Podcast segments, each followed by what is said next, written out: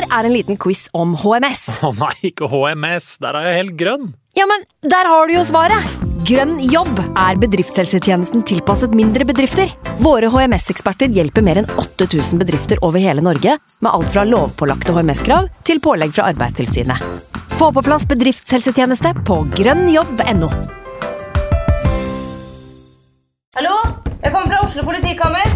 Ine Jansen er purk. Er du purk? The motherfucking bitch. Alt jeg vil, er å finne ut hva som skjedde med mannen min. Jon Carew. Er jeg sikta for noe? Iben Akeli. Det er du.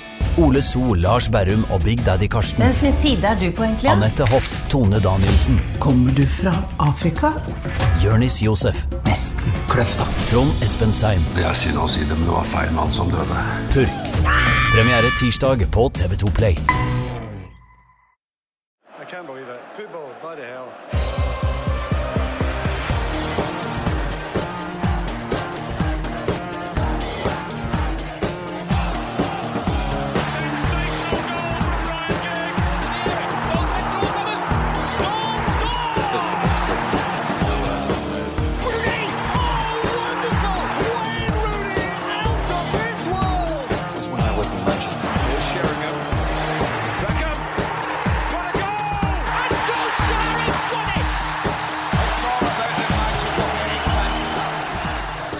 Så jeg vet liksom ikke. Går det egentlig bra eller dårlig nå?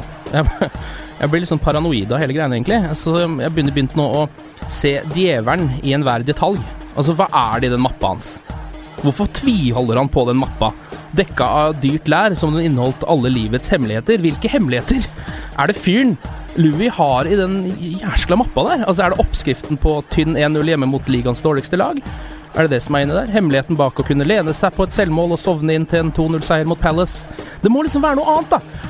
Um, og i det siste så har jeg begynt å filosofere litt rundt uh, hvorvidt det har noe med den kofferten i Pulp Fiction å gjøre. Altså er det Inneholder den mappa uh, til van Gaal sjelen hans, som han solgte til djevelen i bytte mot en E5-1-seier mot Spania i VM? Er det, det, er det derfor han klamrer seg fast til den uh, mappa? Det er sånne tanker jeg har begynt å tenke. Etter tre strake seire. Og det, altså, Da skjønner du hva du gjør med meg her, Louis. Skjønner, skjønner du hva du gjør med det utrolig desillusjonerte hodet mitt? Heldigvis da, så finnes det et forum for oss som kjenner desillusjonens flate hånd, sakte smekke oss i fjeset opptil flere ganger. United We Podcast. Ukas meny, det var som å sitte og se på en iPhone-oppdatering bøfre da United slo Villa 1-0 på Old Trafford. 2-0-seier mot Palace og en litt glemt kamp som ikke involverer United, kan allikevel gjøre at fjerdeplassen kanskje er nærmere enn vi aner. Og Everton venter på Wembley til helga. Vi begynner oppvarminga i dag. Mitt navn er Ken Vasenius Nilsen. Denne uka så har jeg med meg Viasat-mann og landslagstrenersønn Mathias Høgmo. Velkommen til deg. Tusen takk for det. Åssen går det med dagsen din, Cantona? Jo, det går veldig bra med Cantona etter, eh, etter hatt en trang start på livet, om man vel kunne si. ja. Eh, Vi fikk han eh, som femåring fra Foreningen for omplassering av dyr. Oh, ja. Og skifta navnet på han da, til Cantona, fra Monty. Fra Monty, ja. Ja, fra Monty til Cantona. Han har vært igjennom mye brokk tre, tre ganger, og vi har operert ham for brokk, og han har epilepsi og uh, urinveisproblemer. Men Herre ellers så er han en fantastisk hund. Har han noen eh, egenskaper som eh, kan minne om den faktiske Cantona? Han har det. Vi, vi kaller han for en rockestjerne. Han har en uh, karakteristisk jeg si, hanekamp på ryggen.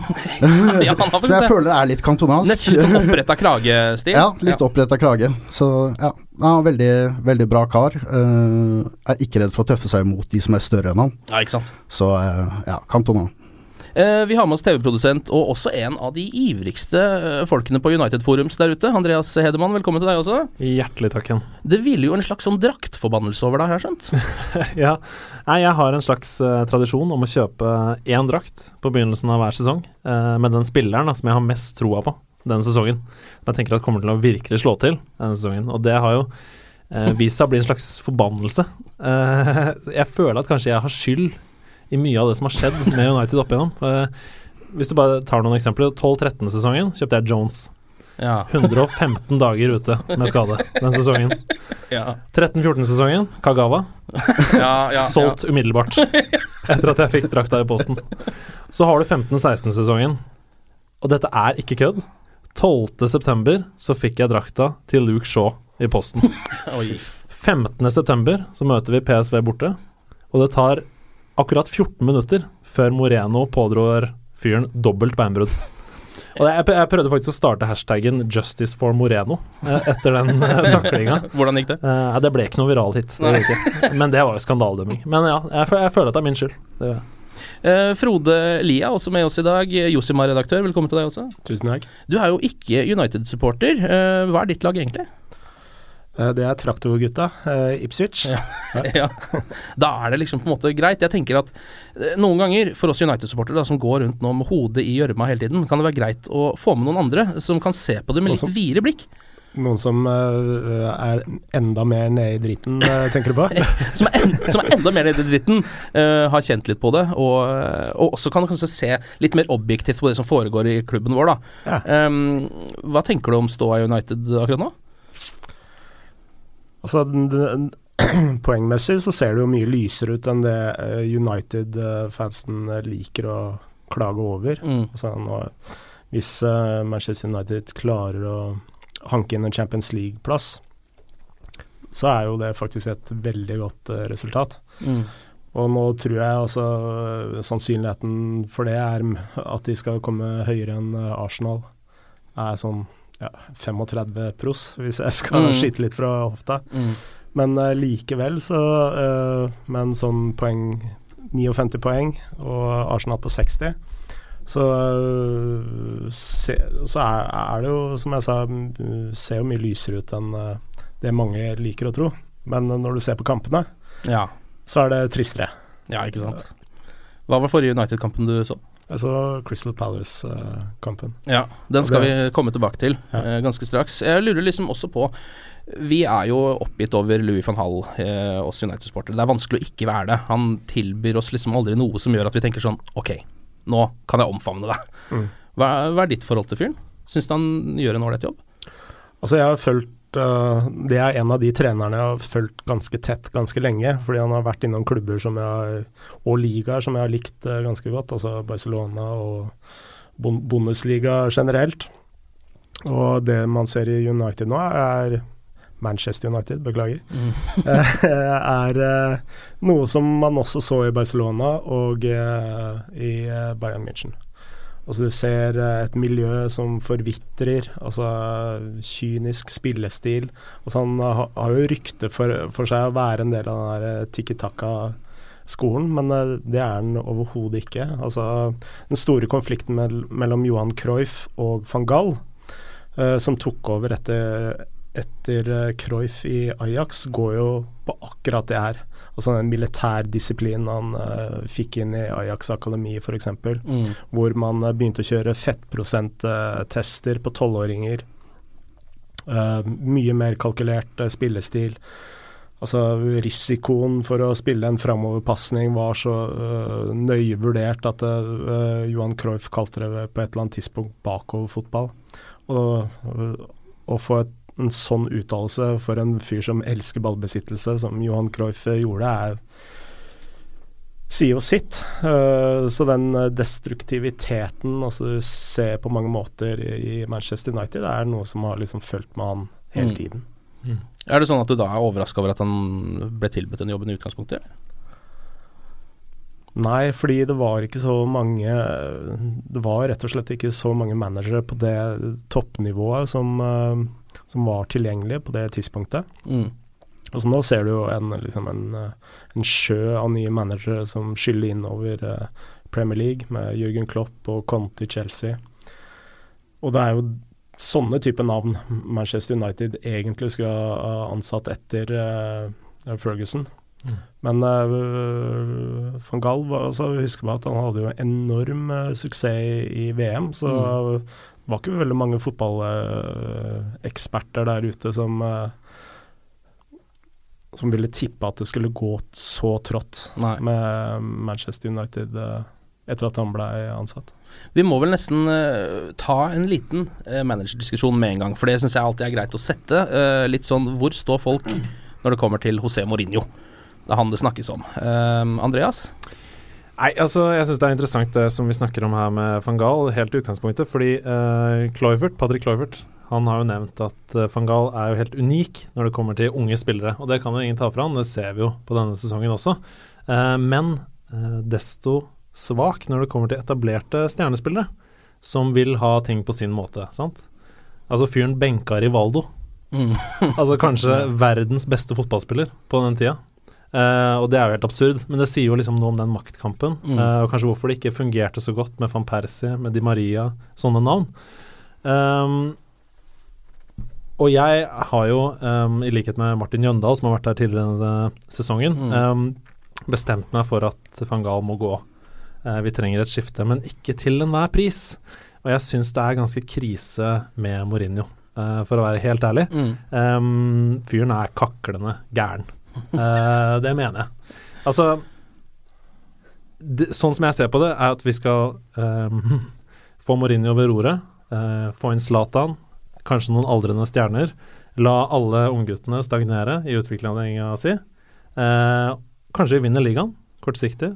Uh, men så er gapet enda større enn det var før Mourinho, idet han forsvinner. Mm. For det kommer han til å høre. Fyren legger klubber i ruiner overalt hvor han går. Ja, han har hatt suksess, men han har aldri hatt langsiktig suksess. Det Mathias, hva syns du om José Mourinho? Uh, jeg syns først og fremst at vi har, vi har satt oss selv i en forferdelig situasjon. Mm. Uh, trenermessig. Vi, det ble gjort feil valg når uh, Moyes skulle ta over for uh, Alex Ferguson. Uh, jeg hadde håpa på Klopp, eller Mm. Guardiola selvfølgelig, Mm. som alle andre. Ja. Men når det kommer til Mourinho, så, så syns jeg det er nok et kortsiktig valg, da. Mm. Eh, han, eh, som du sier, bruker aldrende spillere. eh, og jeg syns klubben burde tenke litt mer langsiktig Mm. enn å ansette han. Samtidig så er det ikke så mye å velge mellom. Pochettino hadde, ikke- hadde vært fantastisk, men, Mm. Det er førstevalget. Det er jo det. Ja. Pochettino er førstevalget. eh, ja, men eh, han er jo veldig vanskelig å få tak på nå, Mm. har jeg forstått det i hvert fall. Så um, Det kan jeg jo forstå. Hvorfor skulle han gå fra et Tottenham på vei opp? Absolutt ingen grunn. Hva tenker du, Frode? En optimal eh, United-manager? Altså Jeg tenker at det er helt feil fokus, helt eh, feil eh, debatt. Mm. Fordi det man Altså det som skiller de beste klubbene fra de nest beste og de dårligste, eh, handler sekundært om managere. Det handler, Mm. om langsiktig sportslig ledelse, og det er jo store ankepunktet med med Manchester United. Mm. Altså Hvis du bare tenker på de trenermanageransettelsene som har vært etter Ferguson, så eh, er det åpenbart at eh, skort og eh, spillerrekruttering Ja. så er det jo åpenbart at eh, det er jo der skoen til Manchester United eh, trykker. Eh, og, men hvis vi skal tilbake til managerdiskusjon, da og Det er i hvert fall noe det er mulig å til gjøre noe at jeg- grunn, ja, grunnen til at jeg nevner det i forkant, det er at eh, du har jo to typer hovedgrupper eh, managere. Du har liksom han som er treneren, og så har du den eh, erkebritiske managertypen som Ferguson var. Mm. Og hele Manchester United-apparatet er jo bygd rundt å ha en manager-type som eh, som å, for å si det på østlandsk, styrer butikken. Mm. Og der, eh, i den kategorien, eh, så har du Mourinho. Altså Jørgen Klopp, Pochettino, er vant med en helt annet uh, styre. Altså De er vant til å jobbe mm, under sportsdirektører. Ja. Som tar seg av alt uh, dette med spillerekruttering, flyt, eh, logistikk osv. Mens uh, med Mourinho så er det mye mer samme type butikk som det Ferguson holdt på med. Mm. Altså de styrer alt. Så Klopp og de er litt mer sånn hands on-manager, er det det du mener? Nei, de er mye mer hands on på treningsfeltet. Ja. Men det er- Der er, altså, manager har jo altså, Manageryrket har jo mange falsetter. Mm. Altså Du har alt fra rekruttering til uh, treninger til planlegging. Uh, motivasjon. Altså uh, masse ulike uh, falsetter. Også Klopp har jo helt åpenbart eh, sine styrker på treningsfeltet. Det tror jeg Pochettino har òg. Og så har du uh, Mourinho, da, som er uh, mer den type han, altså han er flink taktisk, men så er han også flink til å sette sammen et lag. Mm. Så uh, med tanke på det jeg sa først, at den delen er jo noe som er ganske fraværende hos Man Manchester United, så kan Mourinho fungere. Mm. Men eh, eh, samtidig så tror jeg den type måte å drive en klubb på er på vei ut. Fordi mm, dette med spillerekruttering f.eks. er så, såpass altoppslukende at de klubbene som har det beste apparatet til å bare fokusere på, på det, og la treneren få holde på med sitt, har en fordel. Ja. Og, og, det er en av årsakene til at du ser flere og flere klubber velger å organisere seg sånn. Mm. Vi må i gang med kampene. Um, Villa først, da. 1-0. Rashford skåret et fint mål. Et fint angrep også, som førte til det målet, men det var vel det eneste også. Uh, Andreas, du så kampen, regner jeg med? Ja, det det var en frustrerende opplevelse. Uh, I forbindelse med den podkasten her, som tenkte jeg skulle se kampen en gang til. Ja. Og det var en uh, Enda verre opplevelse. enda verre opplevelse. um, altså, vi skaper jo uh, ingenting mot etablert. Og det har vi sett i hele år. Vi er uh, dårligst mot lag som er forberedt på å forsvare seg, rett og slett. Um, og det er liksom De to sittende midtbanespillerne, det blir altfor sittende, ikke sant. Det blir én til to-tre stykker som angriper helt aleine. Mm. Det er ikke noe mål og mening. Og det er utrolig kjedelig å se på. Ingen pasninger i lengderetningen, ikke noe trekantspill, ikke noe vinkler. Årsaken til det er jo det jeg nevnte innledningsvis. Altså risikovurderingen til van Gaal. At du alltid skal ha så og så mange spillere bak ballen. Mm. Når du går øh, øh, Så på mange måter så er jo van Gaal mye mer kynisk enn øh, si Drillo. Ja. Uh, så, han slipper jo heller ikke inn målmannen, det, men det nei. skulle nesten bare mangle. Men det var så rart å se uh, Crystal Palace-kampen, som vi sikkert skal tilbake til. Mm. For det var jo natt og dag for meg, uh, kontra Aston Villa-kampen. Mm. Mathias, vi så kampen sammen. Ja, jeg skal bare si det at det har vært en positiv utvikling, syns jeg, litt i det siste, etter at Rashford kom inn. Mm. mener han har vært en åpenbaring. Um, jeg så, syns vi så det mot, i Crystal Palace-kampen, at både han og Valencia Uh, med de så kan vi klare å skape litt mer i bakrommet, og da Mm. åpne mer for de offensive midtbanespillerne. Ja. Uh, til en viss grad, da. Så det er en, en litt positiv retning på det. Ja. Ja, det kan det jo være, hvis ikke det bare er det at de lagene de har spilt mot er uh, rimelig søppel også, da. Uh, må man nesten Kommer bare litt innom. Jeg syns det var litt Altså, Aston Villa rykka jo ned etter det tapet mot United. Ja. Det fikk jeg en litt sånn emmen smak i munnen nå, fordi det føltes litt som en sånn um, Uh, altså en slags sånn uh, henrettelse som har gått litt skeis. Mm. Uh, følte liksom at han bødderen har Sløvt blad, Ja, sløvt blad hos bødderen, som har prøvd å hogge hodet hans ti ganger før det falt av. Det var liksom litt sånn, det er ikke sånn Hvis United skal sende Villa ned for første gang siden 1988, så syns jeg liksom det skal gjøres med litt verdighet, men det var det ikke noe å finne, altså. Det hjalp jo godt til sjøl med det selvmålet. Ja, altså Palace-selvmålet, mener du? Ja, Palace var det. Ja. Det var jo noen som sa at uh, verdigheten i den kampen lå i at uh, United-fansen var stille i 90 minutter. Mm. uh, og det kan jeg for så vidt være enig i. Vi kan jo gå videre til litt sånn raskt, da, til Crystal Palace-kampen. 2-0. først et selvmål, og så et flott mål av Darmian. Så jo bedre ut enn mot Villa på alle mulige måter. Det jeg likte veldig godt i den kampen, var at for første gang på veldig, veldig lenge så slo vi faktisk en corner inn i feltet. Eh, og den andre gangen det skjedde, så ble det faen meg mål. Ja. da banka Darmian ballen inn. Alt kan jo skje. Istedenfor å da, sånn som de ofte har gjort denne sesongen, rulle en kort corner, spille den tilbake til midtbanen, tilbake til keeper, og så setter de i gang igjen. Eh, hva syns du, Frode? Du så uh, Palace-kampen. Imponert av United, eller? Jeg vil jo si at uh, kort corner fortjener rødt kort. Mm. Ja, jeg er enig. Det er altså så utrolig dumt. Det. Ja, det er så dumt. Jeg tror van Gaal har lest uh, Chris Anderson. Skrevet en sånn statistikkbok som heter The Numbers Game. Mm. Um, everything you don't know about football. Ja. Noe sånt. Og uh, der står det at uh, cornere har er, Man burde ikke ta cornere og slå det inn i feltet. Fordi ja. mesteparten av tida så fører det til at uh, det motsatte laget Ja. kan kontre på deg. Ja. Men uh, jeg også syns det var forferdelig å se på de småcornerne der og tilbake til midtbanen. Og det. Ja. Jeg har sett mange lag uh, bruke vintertreningene på akkurat det der. Ja. Øve på kontringer Ja.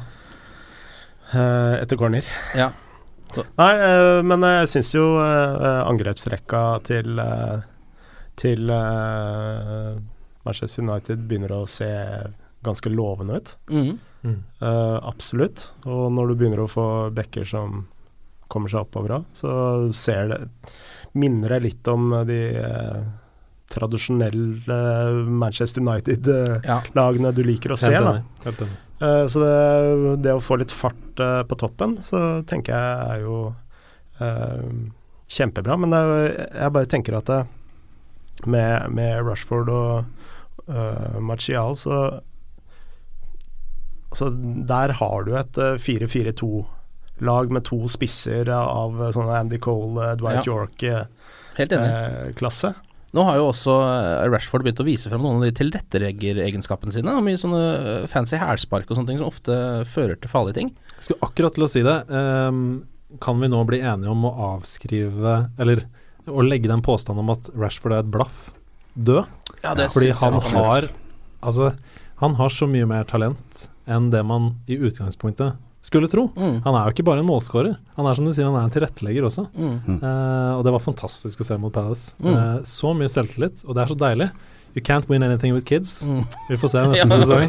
se. Det er jo ganske interessant. Altså, nå ser du fotballekspertene, særlig i England. Altså, Manchester United må kjøpe en spiss. Og jeg tenker Ja. at det, altså, det siste Manchester United trenger akkurat nå, det er å kjøpe en spiss. Fordi hvis du ser i et ett år til to år, treårsperspektiv, så har den eh, angrepsrekka til eh, Manchester United mye mer potensial enn det du kan få kjøpe på, for penger i markedet akkurat nå. Mm. Jeg kan være litt enig i det, altså. Og hvis eh, Manchester United ikke kommer til eh, Champions League, så eh, er det jo ikke noe altså, å, Å kjøpe. å kjøpe i det hele tatt. Nei, det er sant. Eh, Mathias, vi satt jo og eh, så på kampen sammen og fikk med oss Wayne Rooney eh, spille midtbane, dypere enn han har pleid å spille tidligere. Ja. Hvordan syns du han gjorde det? Nei, det, det var en rolle jeg ønska å se han i for uh, type to år siden. Ja. Um, nå prøvde han seg der, og jeg syns det var eh, veldig tregt til å begynne med. Jeg syns ikke det gikk fort i svingene i det hele tatt, og pasningene satt ikke helt. Men etter hvert så så, så man at han, han slo noen gode gjennombruddspasninger, men eh, jeg er ikke noe fan av den løsninga. Er? Jeg, er- jeg er kanskje ikke så fan av å ha Rooney så veldig framtredende i laget lenger. Ja, ikke sant? Jeg har en god kompis uh, som heter Emil Haglund. Hei, Emil. Veit du hører på. Uh, som sa noe veldig lurt til meg i går, og det er Vet dere hvilken spiller som hadde vært perfekt i gårsdagens kamp? Shinji Kagawa. Mm. Og det er helt uh, korrekt. Han hadde vært ekstremt uh, god i det systemet som vi kjørte i går. Mm. Uh, kan godt hende at utfallet hadde vært enda flere mål med Kagawa i posisjonen som han spiller i Dortmund i dag, da. Mm. Eh, Indreløperposisjon.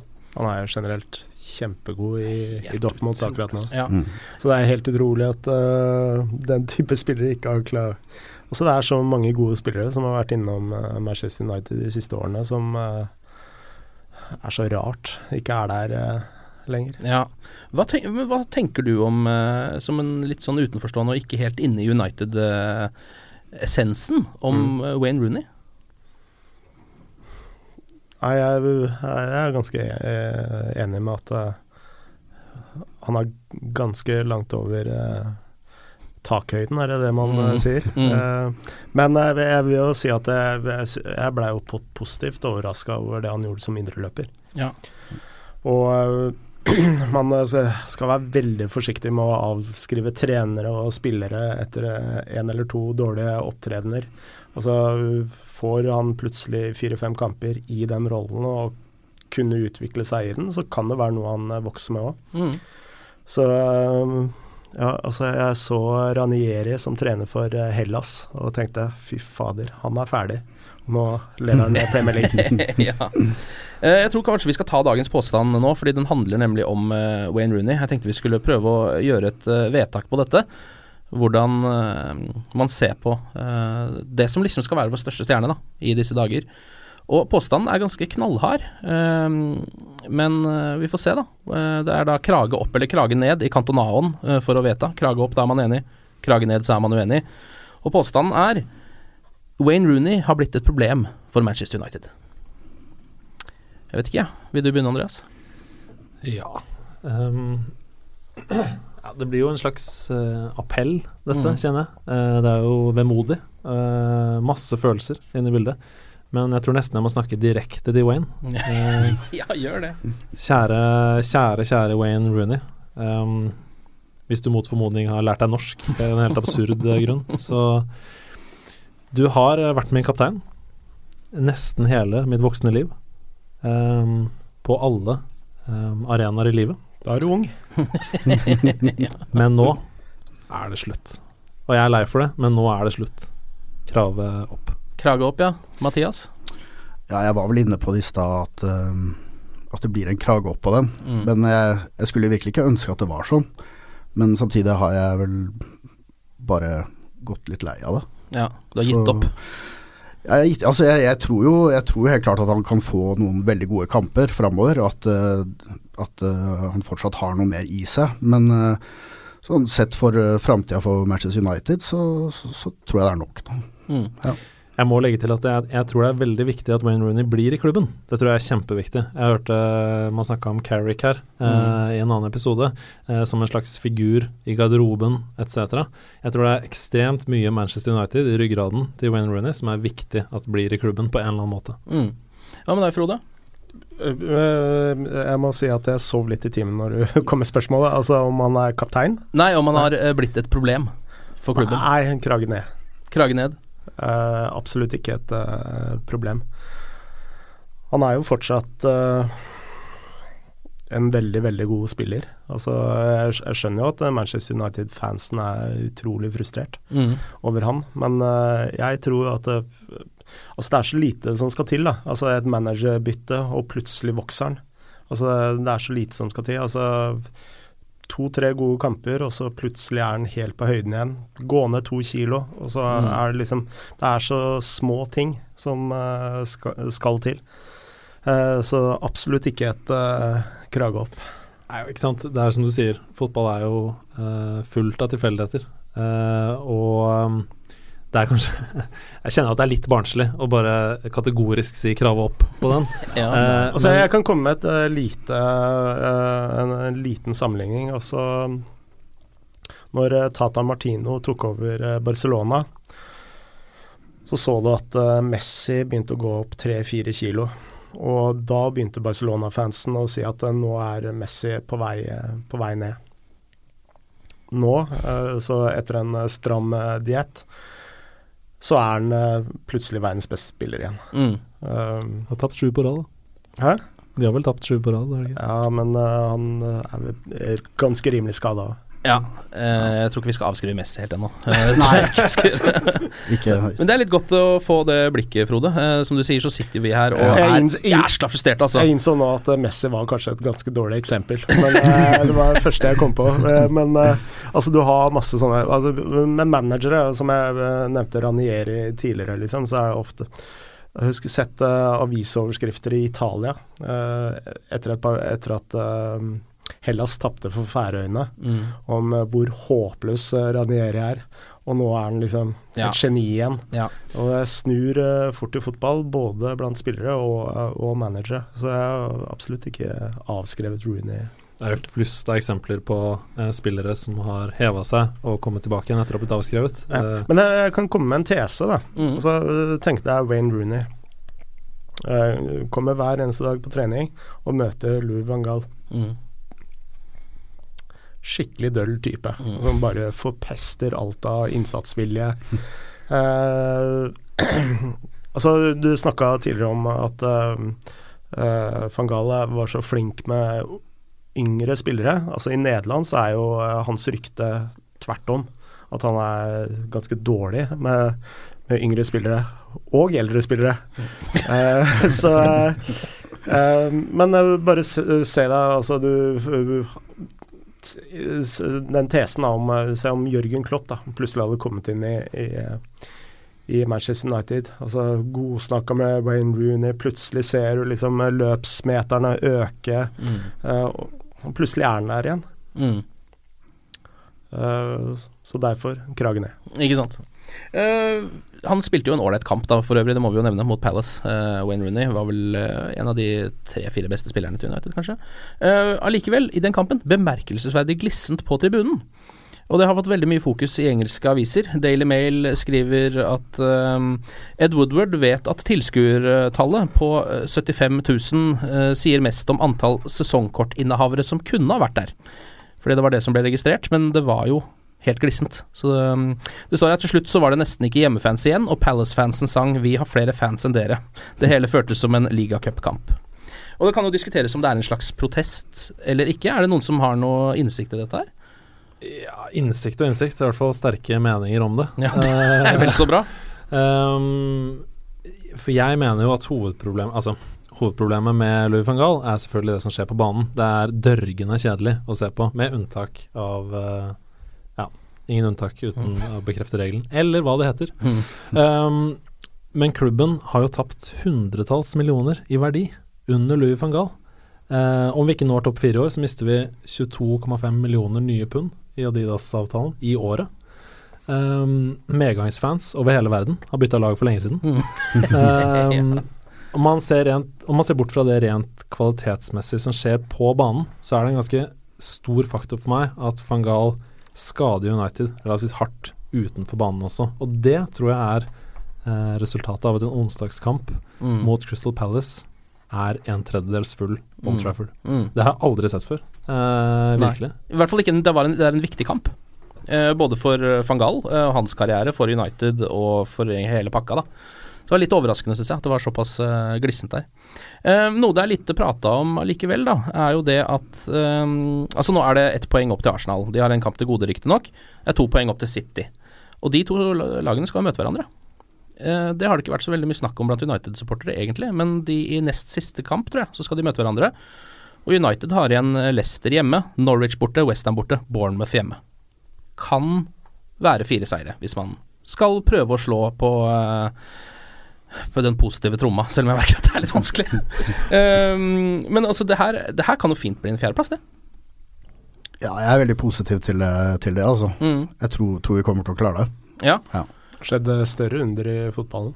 Ja, det har jo det. Jeg er enig i det, ass. Jeg tror uh, både Arsenal og United går forbi City, uh, og at det blir uh, topp fire. Mm. Men hvordan vil da den følelsen du har når du sitter inn, Andreas, som United-supporter Si det blir en FA-cupseier også.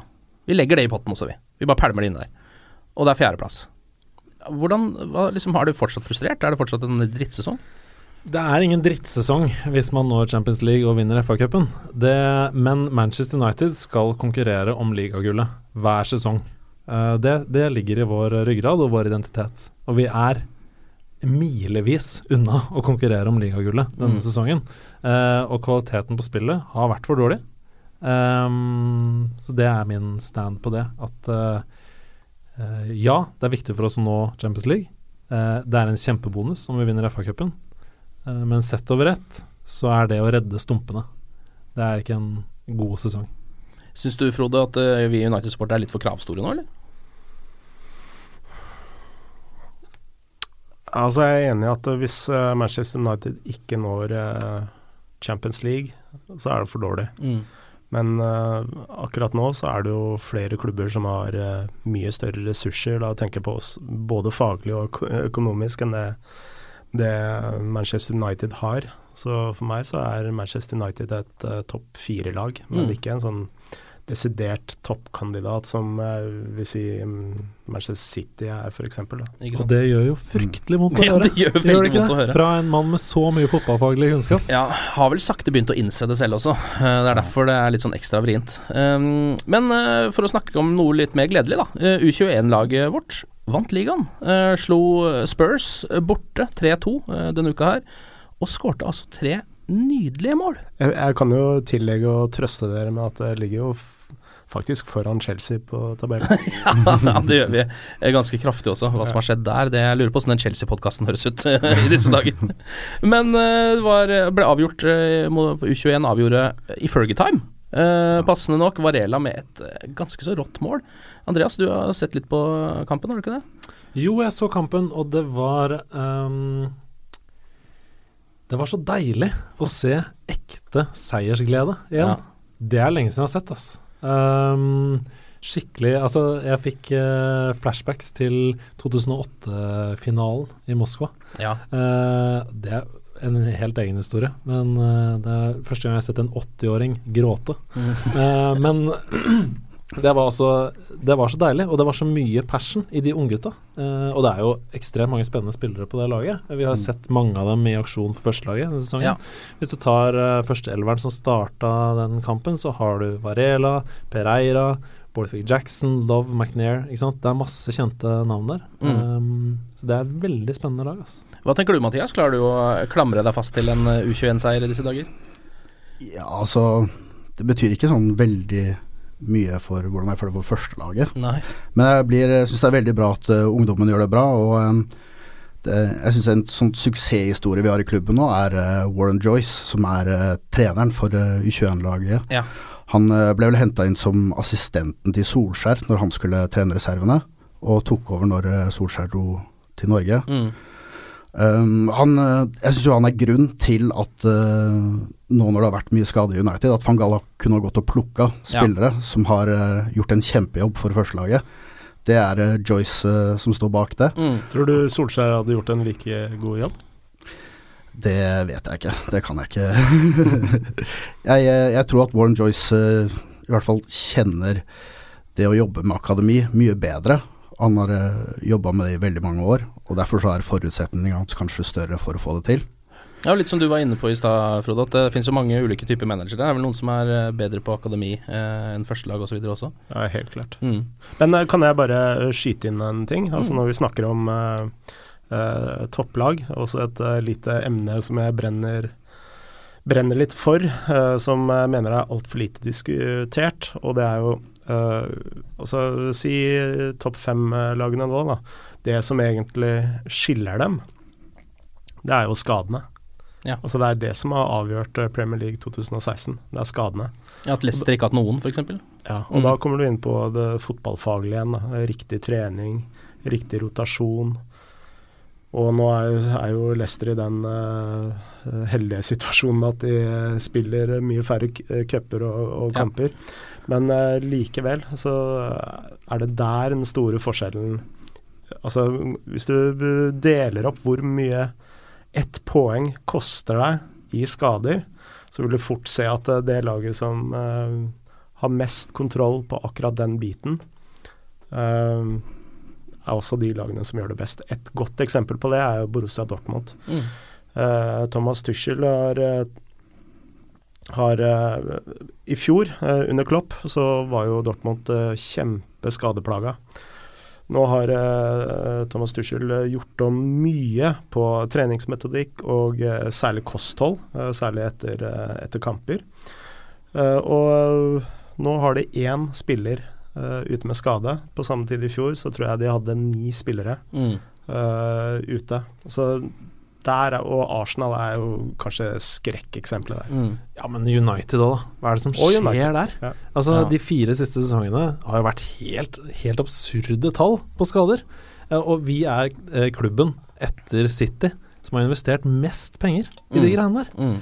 Uh, I uh, forebygging av skader, i uh, treningsfeltet.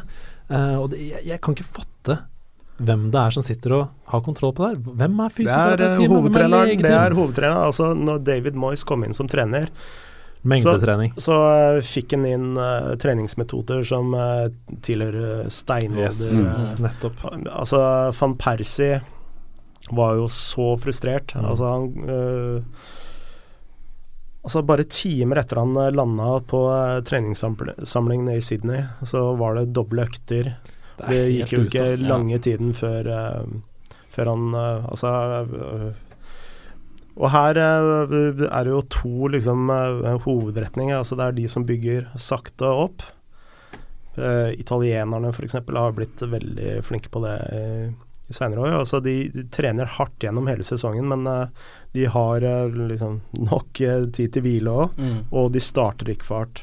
Eh, mens under David Moyes, som et eksempel, så var det liksom fra å ligge på Rivieraen til eh, doble, eh, triple Mm. økter i uh, totimerssekvenser, uh, som rett og slett ødela spillere. Og det ser du enda i dag. Arsenal f.eks. er jo et Mm. godt eksempel på det. Når vi først er inne på både Everton, eh, altså David Moyes, eh, og skader, så kan vi jo eh, snakke litt om kampen på Wembley. Eh, Everton har jo fryktelig mange skader eh, før den semifinalen mot United. Nå har de da altså eh, Jagielka er ute, Shames Coleman er ute, Gareth Barry er ute, Stones er syk, og eh, Funes Mori fikk jo rødt kort eh, nå. Så det har jo ikke så veldig mye forsvar igjen der.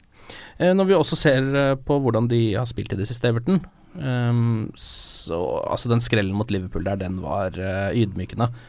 4-0, det bør vel være mulig å komme seg til en finale her, Mathias?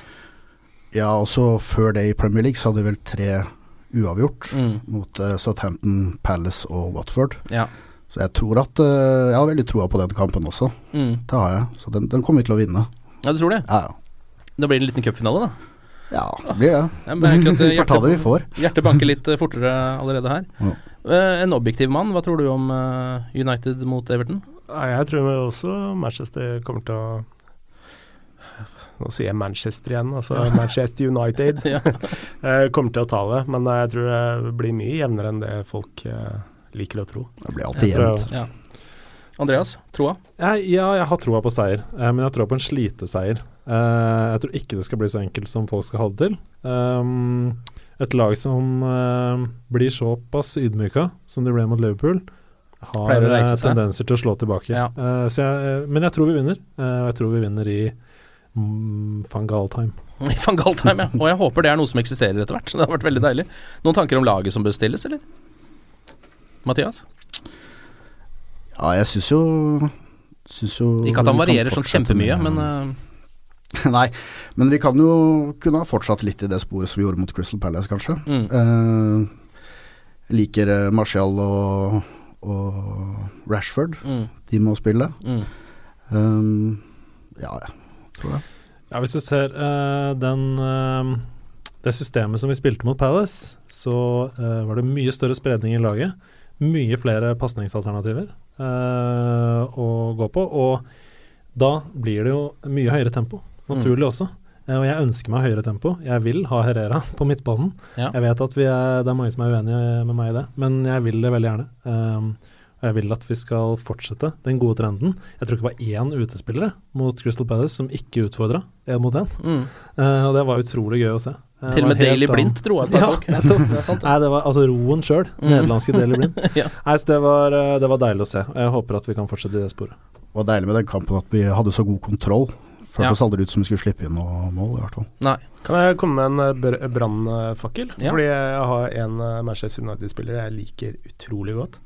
Er det eh, Fellaini? Men, nei, men ingen andre liker han. Og det er Valencia. Oh, ja. Jeg Nei, han, han liker jeg. liker han, ja. Han, Ja, han var jo, veldig god, Han var bra mot Palace, men Palace. problemet hans er jo at han ikke er så veldig god til å ta den siste gode avgjørelsen.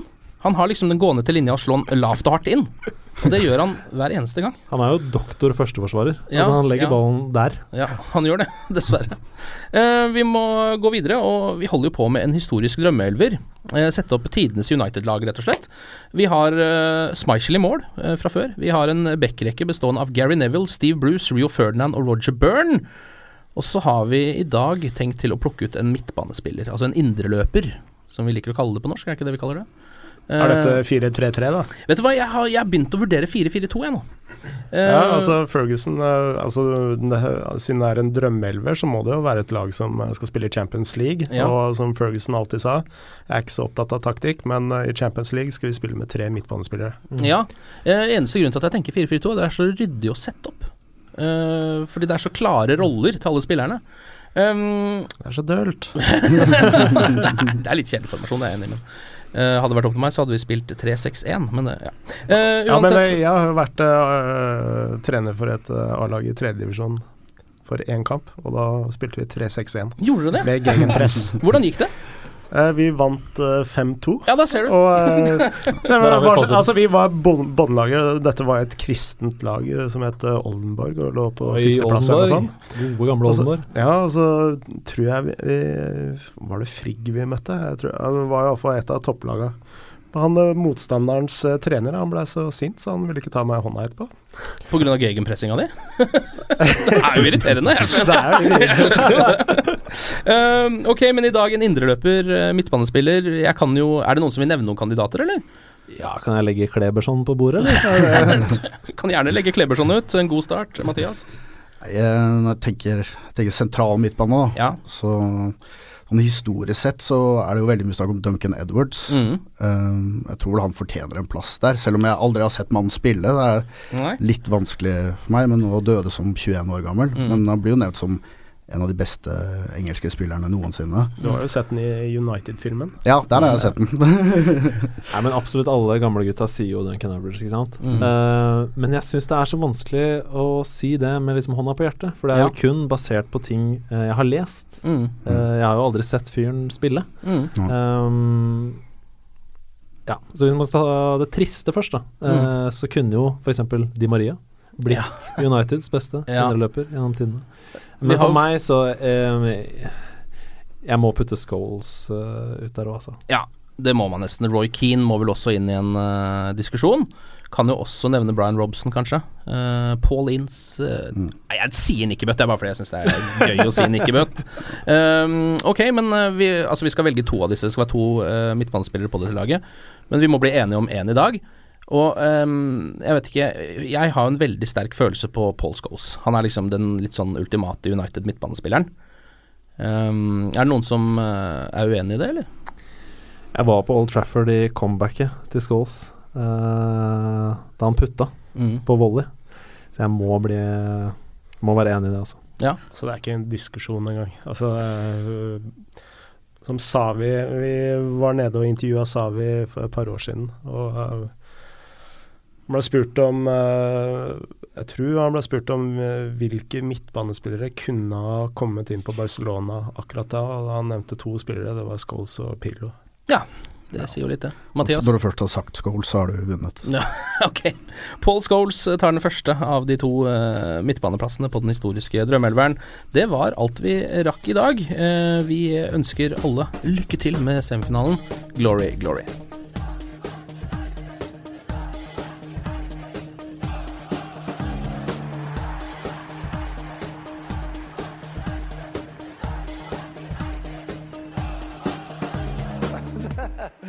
It's true.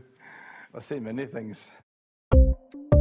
Ukens annonsør det er matkasseleverandøren Hello Fresh. Der kan du velge mellom 25 ulike oppskrifter hver uke, eller få Hello Fresh til å sette sammen en meny for deg. Jeg sparer tid på å handle, oppskriftene er veldig enkle å lage, og så får jeg akkurat det jeg trenger da, til hver eneste rett, så jeg slipper å kaste så mye mat som jeg vanligvis gjør. Det er også litt deilig å faktisk slippe å gå på butikken, ikke bare fordi det er tidkrevende og sånn, men fordi man ender opp med å kjøpe så mye greier som man egentlig ikke trenger, sånn som fire poser eh, Smash og en kick med havsalt, eksempel. Det er ikke det du egentlig er der for, du er der for å kjøpe, kjøpe middag. Så det er en veldig eh, kjekk ting. I tillegg så er det jo eh, ferdigporsjonerte ingredienser, det blir mindre matsvinn, og du betaler bare for det du faktisk trenger, og det du faktisk da spiser. I tillegg så blir det da levert på døra til et eh, fastsatt tidspunkt, sånn at du kan få det akkurat når det passer for deg eh, sjæl. Hvis HelloFresh høres ut som noe for deg, så har jeg en rabattkode du kan bruke også. Gå inn på hellofresh.no og bruk koden HelloUnited24. HelloUnited i ett ord, også 24, og få opptil 1779 kroner i rabatt på de fem første matkassene dine hvis du ikke har prøvd HelloFresh ennå. Du kan også bruke koden hvis du tidligere har vært kunde, men har stoppa abonnementet ditt for tolv måneder siden eller mer. Det er ingen bindingstid, og du kan pause eller avslutte abonnementet ditt akkurat når du selv måtte ønske. Husk koden HelloUnited24, og bon appétit! Ukens annonsør er Folio, en smartere banktjeneste for deg som har en egen bedrift eller ønsker å starte for deg selv. Folio er en superenkel nettbank for bedrifter. Som kunde i Folio får du en bedriftskonto med et bedriftskort og app. I denne appen er det smarte løsninger som forenkler regnskapet ditt, uansett om du har en liten bedrift eller et enkeltpersonsforetak. Folio er både intuitivt og brukervennlig, og er laget med et enkelt språk. I tillegg tilbyr de forutsigbare priser og ingen skjulte gebyrer. Skulle du likevel trenge det, så kan du snakke med deres raske og hyggelige kundeservice, og der får du prate med en faktisk person og ikke en chatbot. Folio er med andre ord både enklere og koseligere enn banken. Over 10 000 bedrifter har allerede valgt Folio som sin banktjeneste, så besøk folio.no og se hvordan Folio kan forenkle din hverdag også. Har du et enkeltpersonforetak eller en liten bedrift? Da er du sikkert lei av å høre meg snakke om hvor enkelt det er med kvitteringer og bilag i fiken, så vi eh, gir oss her, vi. Fordi vi liker enkelt. Fiken superenkelt regnskap.